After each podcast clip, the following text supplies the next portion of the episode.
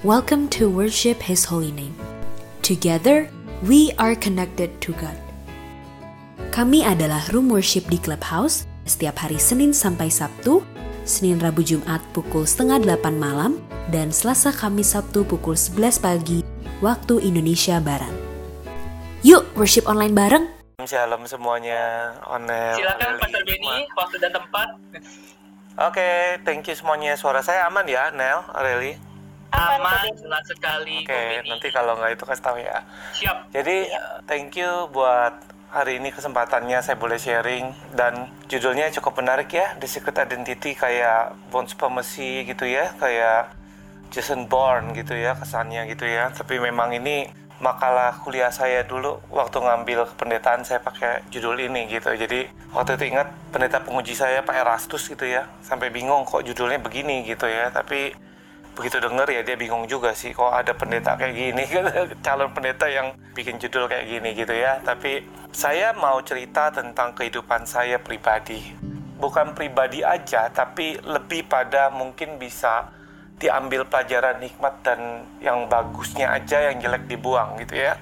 Saya ikut WHN ini saya nggak sengaja waktu itu ngeliat Kiki gitu ya terus masuk dan wah ini platform bagus gitu ya. Memang saya udah ada CH tuh lama tapi lebih pada ke ngomongin bisnis dan segala macam lah gitu. Jarang yang religi gini ya maksudnya worship gitu segala macam. Nah short story saya ada kerinduan sedikit. Memang biasanya berbagi ini di gereja karena banyak online. Ya sekarang saya coba berbagi di platform yang baru Clubhouse gitu ya. Saya ingin diri dulu untuk semua listener di bawah juga yang belum kenal saya Nama saya Benny, Benny Budianto lengkapnya. Saya umurnya 46 tahun. Istri saya satu, anak saya tiga, satu masih baby. Tuhan baik, saya dikasih anak baru satu tahun gitu ya, pas lagi corona-coronanya gitu ya. Jadi memang luar biasa gitu, ada mainan baru gitu ya. Ya jadi sedikit waras lah di rumah gitu ya, karena ada baby lucu banget gitu ya. Nah, saya mau cerita perjalanan saya. Saya umur 25 tahun ya, sekarang 46 jadi 21 tahun yang lalu gitu ya. Umur 25 tahun saya sudah mempunyai perusahaan. Saya sudah mempunyai tiga company yaitu saya membuat film saya membuat interior design saya juga membuat perusahaan konsultan nah saya juga bergerak di bidang ekspor impor tapi itu lebih pada ke papa saya ya kerajinan tangan gitu ya. Kita kerjain barang-barang untuk IKEA, Mitsukoshi, Takashimaya kalau anda tahu. Terus ada yang mungkin tahu itu ya Habitat gitu ya kalau ada yang tahu. Nah itu kerajinan tangannya kita buat kita kirim ke Eropa dan ke Jepang gitu ya ke Amerika juga gitu ke Target gitu ya. Nah tapi itu ayah saya punya. Saya pribadi saya mengerjakan interior film dan konsultan gitu ya. Nah itu saya peroleh umur saya 25 tahun. Umur 27 tahun saya sudah punya rumah, saya sudah punya mobil ya, nggak banyak, kurang lebih ada lima ya, tiga mobil Eropa, dua mobil Jepang. Kenapa saya harus cerita ini? Saya harus sombong jadi anak Tuhan untuk memberitahu bahwa Tuhan saya itu hidup, gitu ya. Jadi jangan salah sangka dulu gitu. Jadi saya harus kasih tahu kenapa saya cerita ini, gitu ya. Nah dari semua ini saya berpikir bahwa saya udah menjadi orang yang sangat sukses dalam seumur 27. Saya mempunyai rumah di daerah, saya bilang aja deh, di Taman Permata Buana ya, gitu rumahnya dulu masih, ya kalau yang pernah tinggal situ, yang tahu Puri Indah gitu ya, Taman Permata Buana waktu itu baru dibuka gitu loh. Baru dibuka, saya masih di Jepang, waktu itu ditelepon teman saya, eh ini ada perumahan baru nih, namanya Taman Permata Buana, sebelahnya Puri, bla bla bla bla. Mau beli nggak lo? Ya udah beli aja, 250 meter gitu kan. DP-nya lo tombokin dulu ya, nanti gue pulang Jepang gue ganti gitu. Nah, akhirnya singkat cerita saya beli, saya bangun dua lantai, kurang lebih habis ya lumayan lah banyak gitu ya. Dan itu umur saya 27 tahun. Gitu loh ya. Nah, saya merasa sukses sekali. Kenapa? Karena saya udah keliling dunia kurang lebih mungkin nggak sampai seluruh dunia, tapi paling nggak setengahnya saya sudah datengin, sudah jalanin gitu ya. Dan itu tidak pakai uang orang tua saya saya kerjakan sendiri pakai uang saya gitu dengan pekerjaan saya. Dan satu kali saya ingat waktu saya lagi presentasi gitu ya di para CEO CEO gitu ya. Saya mau presentasi kebetulan PA saya laptopnya mati gitu ya laptopnya mati. Akhirnya saya bingung gitu nggak bisa presentasi. Nah saya ini orangnya gaptek nggak bisa gitu ya. Waduh akhirnya gimana nih laptopnya mati gitu kan? Akhirnya saya bilang boleh nggak saya pinjam spidol? Saya bilang gitu. Oh iya boleh boleh. Ada papan tulis gitu ya. Jadi saya pakai spidol. Saya presentasi sampai CEO-nya semua hah? Nah ini CEO CEO-nya ini direksinya ini di satu gedung ya di gedung di Sudirman yang di Hook yang gedungnya lancip-lancip gitu ya. Kalau kalian tahu itu ya itu gedungnya. Saya ingat saya di lantai 35 gitu ya. Saya presentasi di situ pakai spidol. Dia sampai tanya gini Pak ini nih nggak salah nih pakai spidol gitu ya mau nggak mau laptopnya mati gitu ya. Tapi saya dengan lancar saya presentasi itu dengan spidol semuanya. Saya tulis-tulis gitu ya. Terus finally we got the job gitu ya. Kayak kita dapat kita menangin lah tendernya gitu. Sampai direksinya nanya gini Pak Beni itu lulusan mana? S1 nya di mana S2 nya di mana? Saya bilang saya S2 Pak tapi SD SMP saya tidak pernah sampai SMA oh masa sih iya saya nggak pernah SMA saya bilang. Saya cuma duduk sampai SMP selesai saya nggak pernah sampai sekolah SMA gitu loh. Hah kok bisa? Dia bilang gitu. You belajar dari mana? Saya bilang nggak tahu saya belajar dari mana. Tapi I think is pengalaman sih pak saya bilang gitu ya. Tapi saya waktu itu masih dalam keadaan sombong nggak sombong gitu ya. Tapi saya bilang ya karena saya bisa gitu ya udah. Saya hafal gitu selama otak saya jalan ya saya akan hafal karena konsep itu semua dari saya gitu. Jadi saya pasti tahu apa yang harus saya bicarakan gitu. Teknisnya gimana ininya gimana itu saya tahu gitu. Nah short story saya mau flashback gitu ya. Tadi saya bilang saya S2 SD SMP saudara kalau saudara dengar kemarin Pasur Abeng cerita tentang keburukan masa lalunya dia itu nggak jauh beda dari saya gitu ya. Makanya Abeng tahu banget gitu. Nah Abeng itu Benny Patisarani ya. Nah dia tahu banget gitu. Nah saya mau flashback gitu. Saya itu dilahirkan bukan dari orang yang punya. Saya dilahirkan dari orang yang biasa ibu yang biasa papa saya cacat kakinya apa ya polio ya cacat satu gitu kaki kirinya lebih kecil. Kaki kirinya hanya sebesar kaki meja gitu ya nggak lebih dari itu gitu kecil banget gitu. Jadi kita bilangnya pincang gitu ya. Nah, saya dilahirkan di tempat yang kiri kanannya sebelah kanan tukang curi motor, sebelah kanan tukang judi, belakangnya bandar narkoba. Pokoknya sekeliling rumah saya itu isinya gituan semua gitu ya. Nah, saya SD kelas 2 atau kelas 3 saya ingat tahun 83 itu saya dipindahkan terus saya disekolahkan sekolah yang lebih baik lah karena waktu itu ekonomi sudah mulai membaik gitu. Nah, waktu di sekolah yang lebih baik itu saya mendapatkan hal yang luar biasa. Saya mendapatkan teman-teman yang baik-baik itu di daerah Fluid gitu ya. Isinya orang kaya semua, ya SMP SMA mobilnya udah Accord gitu ya, udah paling jelek ya mungkin Civic gitu ya. Waktu itu zamannya Mercy gitu ya, Baby Benz gitu ya 300e. Nah saya saya naik bis, saya naik saya naik patas, saya punya sedikit kelebihan saya ini saya naik bis jemputan gitu ya kadang naik bajai gitu ya nah dari situ omongan saya nggak pernah didengar gitu ya saya flashback lagi ini kenapa saya bisa jadi gitu. Nah waktu saya mengalami hal itu saya merasa kok saya nggak didengar orang gitu ya. Saya pengen dong didengar orang gitu ya. Saya pengen.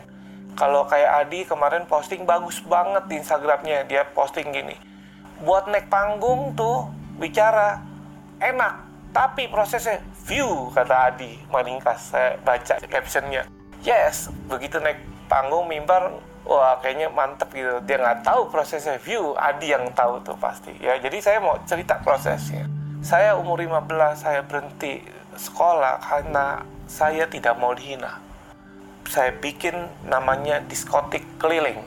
Mobile diskotik bahasa kerennya. Tahun 91 umur saya 15 tahun. Tahun 90 sorry. Tahun 90 91 15 16 tahun. Saya bikin namanya mobile diskotik. Apa itu mobile diskotik kalau yang tahu anak umur 17 tahun 18 tahun 17 gitu ya ulang tahun. Nyewa DJ nyewa sound system nyewa lampu. Nah itu kerjaan saya. Uh, 17-an di mana? Di area duta. Dulu ada di paling banyak di Pantai Mutiara Sport Club ya kan?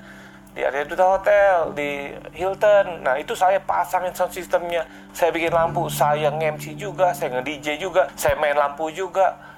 Itu yang saya kerjain bayangin tahun 90 91 sekali nyewa diskotika yaitu 750 ribu. Ya waduh itu gede banget gitu. Ya gede banget. Nah dari situ saya bisa mendapatkan uang banyak gitu. Dalam sebulan saya bisa dapat pesta itu 20 sampai 25 pesta gitu ya. Jadi waktu saya sekolah saya sempat naik kelas 2 SMP terus lulus SMP mau naik SMA ibu saya nanya mau naik SMA you mau sekolah di mana? Saya bilang saya nggak mau sekolah lagi. Loh harus sekolah katanya. Dia bilang saya tanya sekolah buat apa? Mau cari uang. No saya udah dapat uang sekarang. Ya kan? Akhirnya ya saya tetap menurutin orang tua saya saya sekolah. You know apa yang terjadi? Selama setahun saya bohongin ibu saya saya nggak sekolah. Tiap pagi saya bangun pakai baju SMA gitu ya saya pergi ke rumah teman saya tidur main judi gitu ya kan narkobaan gitu. Jadi setahun dia nggak tahu saya nggak sekolah saya bayar uang sekolah di tempat waktu itu. Setahun lamsam saya bayar. Jadi saya ingat banget gitu ya waktu dipanggil kepala sekolah kepala sekolahnya nggak ingat saya saya siapa ini siapa ibu saya sampai bingung akhirnya jujur ketahuan gitu ya. Nah dari situ saya jatuh ke dunia narkoba teman-teman. Nah sama kayak Apeng dari kebutuhannya sedikit jadi banyak gitu ya jadi banyak banget banyak banget gitu ya. Sehari saya bisa memakai ganja itu 30 sampai 40 batang satu hari. Kokain saya sehari sampai 2 gram. Kalau ekstasi jangan dihitung karena nggak kehitung. Saya nggak mau ngitungin karena banyak banget. Dari melek mata sampai tutup mata ya itu aja kerjaannya. Gitu ya itu selama 14 tahun saya lakukan. Nah saya nggak bisa mencukupi itu semua dengan mobile diskotik saya gitu ya. Dengan ganjanya 30 batang kokainnya gitu segala macam nggak bisa ya uangnya gede sekali. Dan waktu itu saya ingat banget karena susah jadi saya sedikit menjadi tanda kutip bandar gitu ya. Sama lah semua ujung-ujungnya kayak gitu ya. Mau untung asal pakai ya. Untung pakai nanti kita akan ini. Akhirnya saya masuk satu kita bilangnya geng tapi ini sedikit norak sih. Tapi ya geng lah ya zaman dulu. Kayak klub mobil gitu ya. Kalian tahu ancol gitu ya di bowling gitu ya saya salah satu orang yang cukup orang kenal gitu ya dengan mobilnya gitu ya dengan narkobanya. Kalau saya ke bowling gitu ya dalam keadaan ini pasti udah mabok berat gitu ya.